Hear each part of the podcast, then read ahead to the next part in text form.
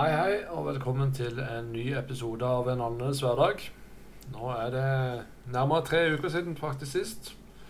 Og det er bare å beklage. Svakt levert, Ken. Men eh, nå kommer jeg sterkt tilbake her. Eh, og eh, vi har mye spennende, tror jeg, i vente framover. Det jeg skal gå gjennom eh, i dag, eh, er egentlig bare en liten intro videre til de neste tre episodene. Um, for da skal vi gå enda dypere i det vi skal snakke om. Det jeg skal snakke om eh, nå framover, er noe som er relatert til at Som jeg snakka litt om i forrige episode, om at vi begynner å se at ting legger seg til rette. Vi begynner å se at ting tar, begynner å ta form. Og det kommer vi til å se mer og mer dette året. Um, og jeg har et inderlig ønske om at det vi skal snakke om her, det er et tema som eh, jeg virkelig håper at vi har et åpent hjerte med om. Og at eh, vi lar Den hellige ånd få lov til å ha fritt spillerom til å fortelle oss hva sannheten er om Guds ord, og hva som egentlig det handler om. Og tittelen for, for, dette programmet her, eh, eller for de episodene vi skal gå gjennom nå, framover de neste tre episodene, er 'Guds rike er nær'. Og eh, Vi kommer til å ta utgangspunktet i eh, Apostlenes gjerninger 2.37 eh, og 2.38. Så har du en eh, liten idé om hvor vi eh, skal ta dette. Du er kanskje kjent med verset som vi skal gå gjennom, Apostlenes gjerninger 2.37 og 2.38 men jeg skal likevel ta og lese det. Men da de hørte dette, stakk det dem i hjertet, og de sa til Peter og de andre apostlene, Hva skal vi gjøre, brødre? Peter sa til dem, Omvend dere, og la dere alle døpe på Jesu Kristi navn til syndernes forlatelse. Så skal dere få Den hellige ånds gave. Og vi vet at alle disse mennene som hørte på dette, det var jøder, og de hadde en fordel med at de var Guds utvalgte folk. Og de var samla i Jerusalem på dette tidspunktet for en religiøs eh, fest som skulle være. Men det står at de, eller det stakk dem i hjertet, det som Peter og, og Peter fortalte det. Det stakk dem i hjertet fordi de skjønte at de ikke hadde den relasjonen med Gud som de egentlig skulle ha. De var atskilt fra Gud. De var ikke under Guds nåde, og de hadde heller ikke catcha dette med at de kunne få tilgivelse for synderne sine. Det var først når Den hellige ånds salvelse over apostlene fikk lov til å virke, at sannheten om ordet ble åpenbart for dem. For det står 'det stakk dem i hjertet'. Og vi vet jo at Den hellige ånd er skarpere enn et tveegga sverd, og den kløyver inn til marg og sjel. Og det er tydeligvis at når Den hellige ånd talte gjennom apostlene, så nådde det helt inn i hjerterota på den religiøse fasaden og den rettferdighetsfølelsen som de satt med. Det førte til det faktum at de sto ansikt til ansikt med en realitet om at ikke de hadde et forhold til Gud. Og det var da de begynte å spørre hva skal vi gjøre? Og vi vet jo alle sammen at Gud er ikke sent til å svare. Når vi er oppriktige og søker Han, så tar det ikke lange tida. Og eh, de spurte jo hva skal vi gjøre? Hva krever Gud av meg? Hvordan kan jeg forandre mitt forhold til Gud og komme i rett relasjon med Han? Og det spørsmålet der er det nok mange som lurer på, både nå, men også den gang. Og I den tiden så eh, var dette første gang som Peter står fram.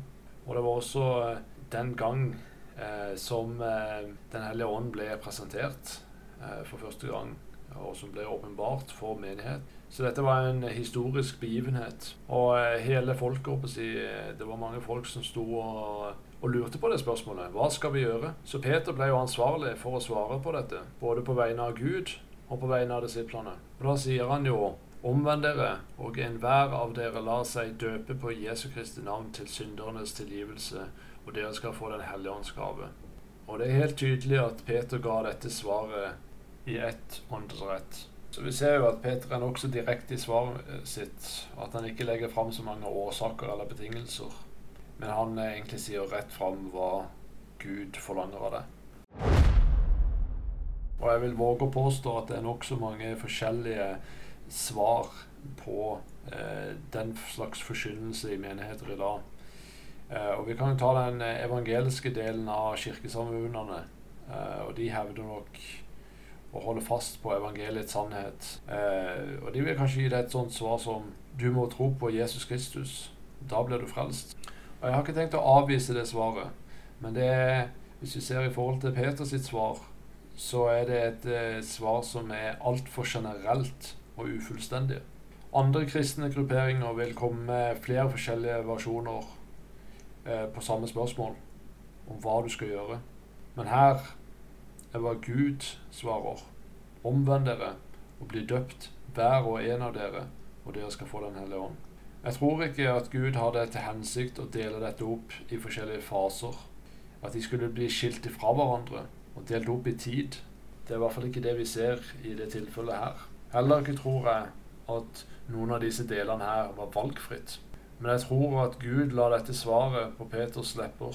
Og derfor vil jeg også foreslå, basert på Guds ord, at du kommer til Han i oppriktighet med et ønske om å være rettferdig og ha et rett forhold til Han. Så vil Han gi deg akkurat det svaret som han presenterer gjennom Peter til de menneskene i Jerusalem på pinsefestens dag. Du må omvende, du må bli døpt, og da vil du motta Den hellige.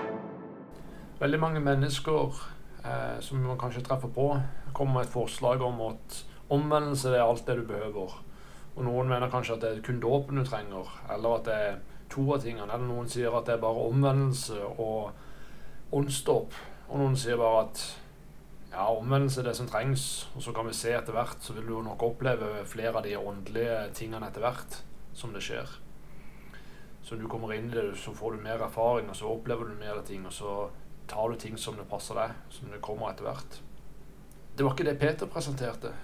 Presenter, Peter presenterte noe helt annet. Omvendelse, dåp og Den hellige ånd. Og på, jeg vil påpeke ut ifra denne teksten her, basert på det, så på pinsedag så skjedde det alle disse tre hendelsene her. Der 3000 mennesker samtidig De omvendte seg, de døpte seg, og de fikk også Den hellige ånd, står det. Det var ikke delt opp i tre forskjellige faser som skulle bli etterfulgt sakte, men sikkert etter hvordan det passer for deg. Guds ord har for øvrig aldri vært om at det skal tilpasses deg. Men det er Hans ord som må bli presentert. Det er Hans ord som må få lov til å overbevise oss. Det er Hans ord som må få lov til å bestemme over oss. Vi må adlyde Hans ord. Og jeg er overbevist om at vi går inn i en tid nå der Gud vil bringe menighetene tilbake til dette. Til det stedet som vi opprinnelig hadde vår første kirke, ut ifra apostlenes gjerninger. Om at vi forkynner det ord som ble presentert for Peter på pinsefestens dag. Som Peter presenterte for alle menneskene som var kommet fram der, gjennom Den hellige ånd. Og det står at i de siste dager så vil Gud utøse sin ånd. Og dette svaret vil jeg gi til alle. Alle de som ikke kjenner Jesus. Eller de som står uforbi menigheten. Den som ønsker å komme inn i Guds rike. Den som ønsker å bli en del av Guds folk. Og den som ønsker å få en rett relasjon med Gud gjennom Jesus Kristus. Så vil jeg gi den personen det svaret, og presentere det svaret som Peter ga til menigheten, den første menighet. Og det var omvende, bli døpt og få Den hellige ånd. Så i de neste episodene så skal vi eh, snakke om eh, i dybden av disse tingene her. Så det er bare å henge på. Og så eh, får jeg bare ønske deg en fin kveld. Og hvis du ikke hører på i kveld, så får jeg bare ønske deg en god dag når den tid kommer, og en god uke. Så snakkes vi igjen om 14 dager til.